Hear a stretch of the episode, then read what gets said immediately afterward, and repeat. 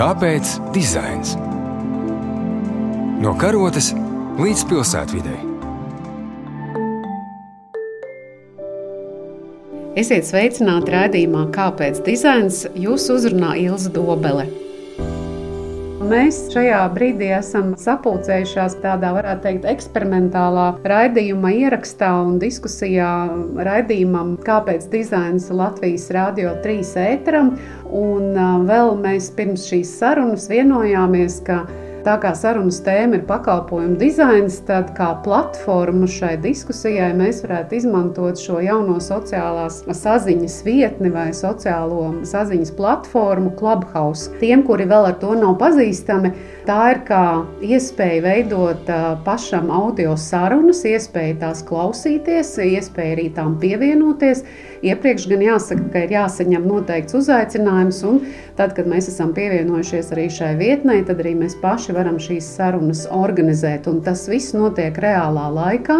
Pirms es gribētu iepazīstināt, ka sarunā piedalīsies Latvijas Mākslas akadēmijas dizaina nodaļas asociētā profesora Ilza Kundziņa, tāpat arī Kultīgas mākslinieku rezidents vadītāja Ilza Supe un arī Liena Kupča, kura studēja pakalpojumu dizainu un būs arī viena no pasniedzējām jaunajā programmā programmā Latvijas Mākslas akadēmijā, kas būs jaunizveidota maģistra studiju programma pakalpojumu dizaina stratēģijas un inovācijas. Un Latvijas Mākslas akadēmija šo programmu piedāvās ikvienam interesantam, un par to arī būs mūsu galvenā sarunas tēma šodien. Bet tātad vispirms, vai šis ir vērtējums jau kā pakalpojumu dizaina variants, kurā mēs tagad visi esam liecinieki? Ilzes un Liene. Nu, ko es varētu teikt, man ir šis pilnīgs jaunums. Es atzīšos, ka es šodien esmu pirmo reizi un pirmo dienu lietoju šo pakalpojumu. Bet jāsaka, ka viņš tiešām ir interesants un man uzrunāja, un es jau te paklausījos dažas diskusijas. Jautājums, protams, cik ilgi man šī interese paliks manī un cik daudz laiku, teiksim, es varēšu atrast veltīt šīm sarunām. Bet noteikti to var uzskatīt kā pakalpojumu dizainā tādu piemēru, un noteikti tur arī ir veiktas kaut kādas izpētes un teiksim, kā šos pakalpojumā saņēmējs vai lietotājs uzrunāt un kā viņus iesaistīt. Un nevelti mēs visi esam klubiņā, mēs neesam vienkārši tāpat pievienojušies. Man liekas, tas ir tāds arī interesants veids, kā veidot caur šo klubiņu, tā kā bērnībā. Tu esi vai neesi klubiņā, ja tāda sajūta ir arī šeit. Tā kā, nu, man liekas, ka jā, un pietiekami intuitīvs un arī, teiksim, no tāda digitālā pakalpojuma vērti lietojams un um, pozitīvi. Tas, nu, mans vērtības times. Jā, Liene. Man būtu jāpiekrīt, ka noteikti pakalpojumu dizaina elementi ir arī šeit, jo nu, galu galā tas risina kādu nebūtu cilvēku vajadzību sazināties pandēmijas apstākļos, kad mēs esam katrs nu, jau gadu piekalti vairāk vai mazāk savām mītnes vietām. Un, protams, es domāju, ka ikvienam un it visur pietrūkst tieši sociālā komunikācija un cilvēciskā kaut kāda spontāna doma apmaiņa, kas ir iegūstama tad, kad tu satiecies klātienē. Tā kā tā pamatlieta, ka šī platforma risina cilvēku vajadzības, tas noteikti ir no pakalpojumu dizaina. Tāpat arī šis ir dizainēts pakalpojums. Tam ir nu, izskats, lietojamība, funkcionalitāte un daudz citas elementi, lai servis strādātu. Tā jau tas ir faktiski ar ikvienu lietu, vai ikvienu aplikāciju vai rīku, kur mēs izmantojam. Ilza Supe, vēl kāds ir tavs viedoklis? Jā, es pilnīgi piekrītu, ka šī ir pakalpojuma dizaina demonstrēšana mūsu praktiskajā pieredzē. Un, manuprāt, pēdējā gada laikā tas ir diezgan iespaidīgi, cik daudz dažādu jaunu rīku ir radies un cik veikli patiesībā mūsu socioekonomiskā funkcionēšana ir spējusi pāriet uz digitālo vidi. Pakalpojumu, kur iepriekš arī publiskajā sektorā, tā skaitā pakalpojumu, kur iepriekš šķita pieejami tikai klātienē, pēkšņi ļoti straujā tempā ir pieejami tiešsaistē. Tas ir ļoti interesanti vērot, kas notiks ar mūsu tālāko saziņas kultūru un komunikāciju nākotnē.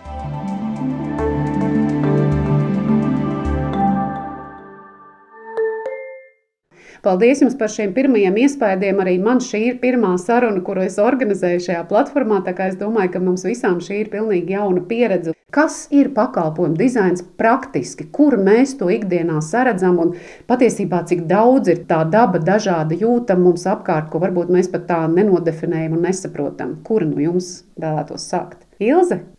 Pakalpojumu dizains ir metožu paņēmienu kopums, lai padarītu mūsu dzīvi kā pakalpojumu lietotājiem ērtāku un kā pakalpojumu sniedzējiem efektīvāku. Tā ir metode, kas aicina pakalpojuma kvalitātes un saņemšanas centrā izvirzīt lietotāju vajadzības un attiecīgi organizēt pakalpojumu sniedzēju šo visu procesu, kā lietotājs pakalpojumu saņem, tā, lai šis lietotājs justu efektu. Un tas attiecas vispirms uz radošu domāšanu un inovatīvu pieeju, kā uzbūvēt šo sapņu pili par kaut kādām inovācijām bet tas vienlīdz labi attiecas arī uz faktu, ka, lai šī sapņu pils nepaliktu tikai abstraktā līmenī, vai tam nebūtu reāla seguma, kā šo pakalpojumu varētu izmainīt, tad pakalpojumu dizainā un pakalpojumu dizainerim ir jāspēj arī praktiski šīs inovācijas ieviest. Tā skaitā. Jā, bet ja mēs domātu par tādu varbūt vienu dienu cilvēka dzīvē, no sākuma līdz beigām, tad vidējs noslodzes cilvēks ar dažādām lietām, ko viņš ikdienā dara, dažādus pakalpojumus saņem, kur es to redzu kā cilvēks, kā pakalpojumu lietotājs šo dizainu un varu novērtēt. Es teiktu, ka tu droši vien viņi sastopas ikvienā vietā. Un tagad, protams, sēžot mājās, mēs redzam vairāk šos digitālos pakalpojumus. Mēs zinām to, cik ērti vai neērti ir, piemēram, iesniegt ikgadējo deklarāciju. Mēs zinām, cik viegli vai ērti ir, piemēram, samaksāt kādu rēķinu interneta bankā, vai atkal cik sarežģīti ir kaut ko darīt pirmo reizi, piemēram, iet Latvijā LV portālā un iesniegt slimības lapu. Man nesen Jā. nācās to izdarīt un uh, iet cauri visam šim procesam pirmo reizi mūžā. Jebkuram cilvēkam viņš um, to saskarās. Nu, savukārt, pakalpojumu dizains ir tas interesantā lieta, ka mēs šo vārdu pievienojam dizains. Un tas vienmēr ir interesanti, kāpēc Ne tikai runājot par teiksim, platformas vai aplikācijas vizuālo izskatu, bet tieši par lietojamību. Un tas apbrīnojamais ir, ka šeit mēs varam tiešām piemērot savu dizaina nu, teiksim, izglītību vai pieredzi un uzlabot tieši šos biznesa procesus, uzlabot tieši caur dizaineru prizmu skatoties un piemērojot teiksim, šo dizaina domāšanu. Nu, Liena varbūt var. Jā, ja Liena pati to studē, un Liena arī būs tā, ka viena no kurām pasniegs ar akadēmijā, tad noteikti Liena varētu pateikt tieši tā, kā to mācīs un kā apgūs Latvijas Mākslas akadēmijā studenti. Līdz tam mēs vēl nonāksim, kā to mācīs un kā to apgūs. Bet uh, es vēl varbūt drusciņi, drusciņi gribēju piebilst pie abu ilžu sacītā arī, dzen, ka Pakalpojumu dizainu mēs satiekam ne tikai tajā, kā lietas izskatās vai kā procesi izskatās, bet kā tie darbojas. Un varbūt, ka šobrīd tādā arī pakalpojumu dizaina un dizaina domātāja un kaut kādā noteikta virziena, atkal jau jāsaka burbulī, dizaina jebkas ir ārkārtīgi liels tāds karstvārdiņš. Ir dizaina domāšana, pakalpojumu dizains, saskarņu dizaini, navigācijas dizaini, visādi tūkstošiem valodas dizaini. Somijā studēju, man bija kurs legal design, juridiskais dizains, kas ir ārkārtīgi interesants un milzīgi liels koncepts. Beidzot ar veidlapām, sākot ar likumu, struktūrām, pierakstu, valodas, terminoloģiju, ar daudzām tādām lietām. Protams, ka, ja mēs gribam tādu drusciņu devalvēt šo visu, var viegli pateikt, jebkas ir dizains, kas vien strādā. Tā ideja ir tieši tādā pašā veidā, kā dizainers strādā citā dizaina izpausmes jomā, vērtēt, izpētīt izpētīt, testēt atkal no jauna pakalpojumu, kurš šajā mirklī ir darbojies, bet kaut kāda iemesla pēc nefunkcionē tā, kā būtu ērti, loģiski un piemēroti konkrētam lietotājam. Mēs to arī darām, un tas arī būtu pakalpojumu dizaina galvenais uzdevums. Tā vienkāršoti sakot. Jā, var piekrist. Jā. Tad kādā veidā šo visu apgūs Mākslas akadēmijā un kāda būs šī programma? Droši vien ar tādu lielu prieku mēs vispār par to runājam un skandinam ar vien vairāk un vairāk visiem stāstam par to, ka Latvijā būs šī programma jau no rudens. Mēs viņu esam ne tikai radījuši Latvijas studēt gribētājiem, bet arī visai Baltijai un arī Skandināvijai, jo mūsu partneris un arī otrs diplomu izdevējs ir Labzemes Universitāte, kur arī studentiem būs iespēja vienā mobilitātes semestrī atrasties uz vietas Labzemē. Jā, tā ir divu gadu pilna laika maģistratūras programma, maksas gan, bet Mums ir arī tādi ļoti labi asociēti partneri, kā Stokholmas ekonomikas augstskola un Tallinas Mākslas akadēmija. Un, uh, tas mums dod tādu fantastisku iespēju tiešām šo pakalpojumu dizainu apskatīt un mācīt nu, no četrām dažādām jomām, kas arī ir pakalpojumu dizainam pamatā. Tātad tas ir ne tikai dizains, bet tas ir arī bizness, tas ir tehnoloģijas un arī šīs sociālās zinības, kā izpēta un pētīšana. Vai mēs paši apzināmies vietu šiem cilvēkiem, vai tā situācija ir nobriedusi, ka nu, mēs esam jau varbūt jau iepakoļus šai situācijai palikuši, un šis ir pēdējais brīdis, lai kaut ko tādu darītu. Tātad kāds ir šis pieprasījums, un vai šis pieprasījums vispār ir apzināts mūsu sabiedrībā, jūsuprāt? Zini, mēs pētījām statistikas datus un, piemēram, Pasaules bankas rādītāju par Eiropas ekonomiku šobrīd liecina, ka iekšzemes koproduktā vairāk kā 70% no Eiropas valstu saimniecības veido tieši pakalpojumu sektors, un vairāk kā 90% nodarbināto strādā tieši pakalpojumu nozarē. Un mēs redzam, ka Eiropā pakalpojumu dizaina programmas ir pieejamas jau kopš 1990. gadiem. Savukārt Latvijā un Baltijas valstīs nekā tāda nav. Tā kā es drīzāk teiktu, ka mēs esam jau nokavējuši. Nevelti arī pārējā pasaule to diezgan stipri rāda, ka mēs netik daudz sacenšamies vai uzņēmumi konkurē netik daudz ar ārējiem attribūtiem, ar ko centās strādāt, varbūt vairāk strādāja. Citā lietu kārtībā, sacīsim, bet tieši rūpes par pieredzi, par pakalpojumu pieredzi, par lojalitāti, par tādām mazāk redzamām, bet ārkārtīgi svarīgām, cilvēkam svarīgām cilvēka pieredzes, sacīsim, aspektiem aspektiem. Līdz ar to uh, laiks ir īstais. Nu, es jau varu piebilst, ka uh, mums ir signāli arī no valsts iestādēm, valsts iestāžu puses, jo arī gan valsts administrācijas skola, gan, piemēram, valsts kancelē, viņi patreiz ļoti aktīvi darbojās, lai izglītotu ierēģņus tādā plašākā vai netik plašā veidā, bet uh, šādas iniciatīvas patreiz notiek. Un līdz ar to arī mums ir uh, signāli, ka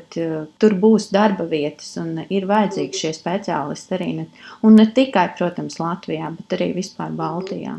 Kādā veidā tad pašas mācības noritēs? Un te laikam arī noteikti jāpiemina ir kuldīgas nozīmīgā loma sadarbībā ar Latvijas Mākslas akadēmiju un ar jau pieminētajām partneru augstskolām.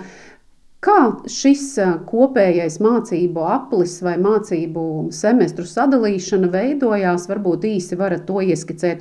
Kuldīgai ir iedvesmotāja loma, kādēļ šī studiju programma vispār tapa, jo pirms gadiem pieciem Kuldīgas pašvaldībai kopā ar Latvijas Mākslas akadēmiju radās tāda ambīcija un kaprīze par to, ka varētu šajā skaistajā pilsētā izveidot akadēmijas studiju bāzi pastāvīgu. Un tikai pēc tam vēlāk sākās doma par to, kas varētu būt būt šīs studiju programmas saturs, jo toreizējā kultūras ministra Tāts Melbārdē atzinīgi novērtēja ideju šo filiāli veidot, taču nosacījums bija tāds, ka ir jāatrod tāda studiju programma, kas rāstu pievienoto vērtību ekonomikai, nevis kopētu kaut kādas esošas studiju programmas saturu. Un līdz ar to arī kaut kādā mērā studiju programmas attīstība vispirms sākās ar vietu un telpu, ar uh, kuldīgas adatu fabriku, kuras šobrīd ir būvniecības procesā pēc uh, Zaigas Gailas arhitektu biroja biroja projekta, un šī gada nogalē arī būvniecība pabeigsies. Mēs vispirms sākām veidot studiju programmai māju vietu, mazliet atšķirīgi, un tikai pēc tam radīt programmas saturu. Jā, tā iecerē ir tāda, ka šī studiju programma notiktu Kuldīgā. Tie varētu būt pirmie divi studiju semestri, ja pirmais studiju gads, kā, kura laikā studenti apgūs tādas pamatkomponentes, galvenās pakalpojumu dizaina, varbūt rīkus un paņēmienus. Un, eh, savukārt trešais semestris, kā jau Ilza Kundziņa iepriekš minēja, trešais semestris varētu notikt pie mūsu partnera Labzemes Universitātē Somijā. Un ceturtais semestris, maģistra darba izstrādes laiks, būtu tas, kad studenti varētu izvēlēties, kurā no konsorcija sadarbības augstskolām maģistra darba izstrādi veikt un arī attiecīgi norises vietu.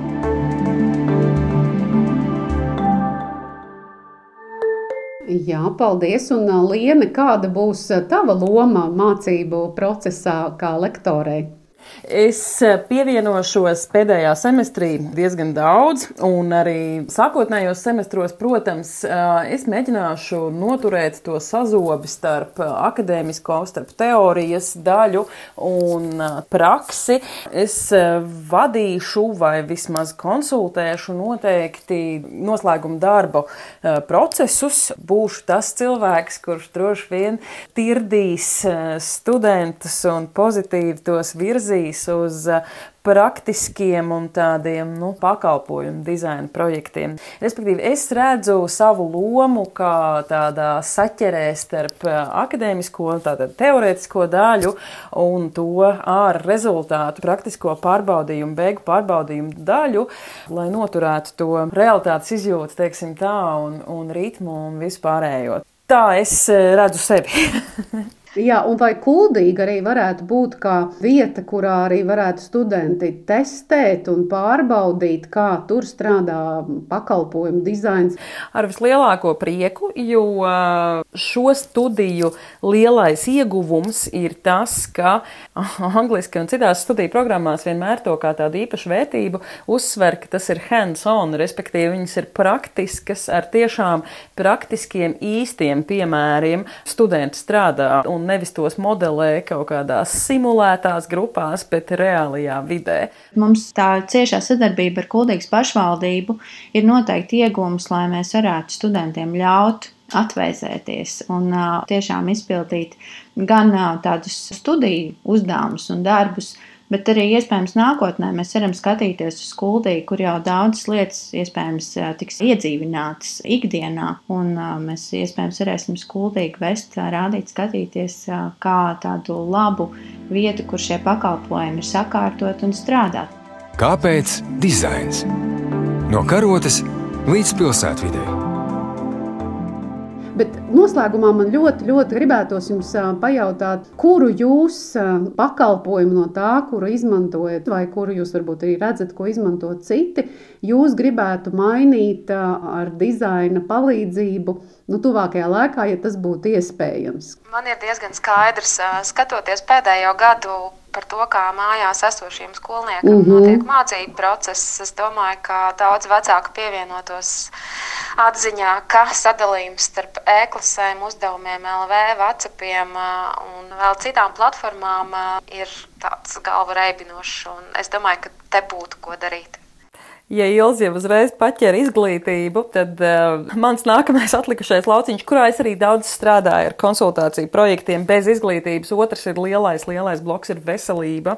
Un ne tikai veselības aprūpas pakalpojumi vai visiem zināmā šī brīža aktualitāte, bet kopumā, kā mēs organizējam un kā mēs pieredzam dažādu veidu veselības pakalpojumus. Tas ir otra milzīga zona daudziem gadiem darba mums visiem kopā. Savukārt man ir sociālā aprūpe, un tas droši vien ir dēļ tā, ka man ir ļoti daudz studenti, kas patreiz tieši strādā vai no nu ar autismu vai ar pansionātiem, kas absolūti nav vispār saistīts pat ar digitālo pakalpojumu, kur mēs bieži vien runājam šeit par digitālo pakalpojumu. Tad labklājības sektors ir un šī sociālā aprūpe, man liekas, Latvijā mums ir ļoti, ļoti bēdīgā stāvoklī.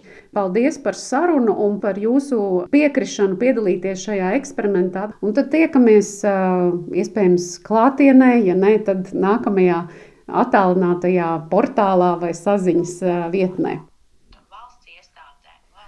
Jā, un tālāk mūsu saruna vēl turpinājās, jo mācību programmas nodrošināšanā iesaistītiem speciālistiem un sadarbības partneriem vēl priekšā gan ceļš līdz mācību sākumam, gan studentu piesaiste, gan arī izaicinājums un atbildība šādas pirmās Baltijas valstīs maģistru programmas īstenošanā.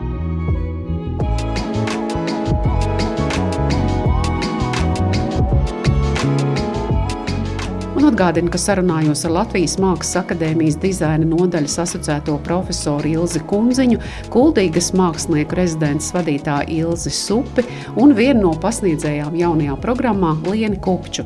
Raidījumu skaņu montē Judīta Bērziņa, jūs uzrunāja Ilzi Dobela. Paldies par atbalstu Kultūra Kapitāla fondam raidījuma tapšanā. Raidījumu varat klausīties Latvijas Rādio 3 mājaslapā vai kādā no podkāstu aplikācijām.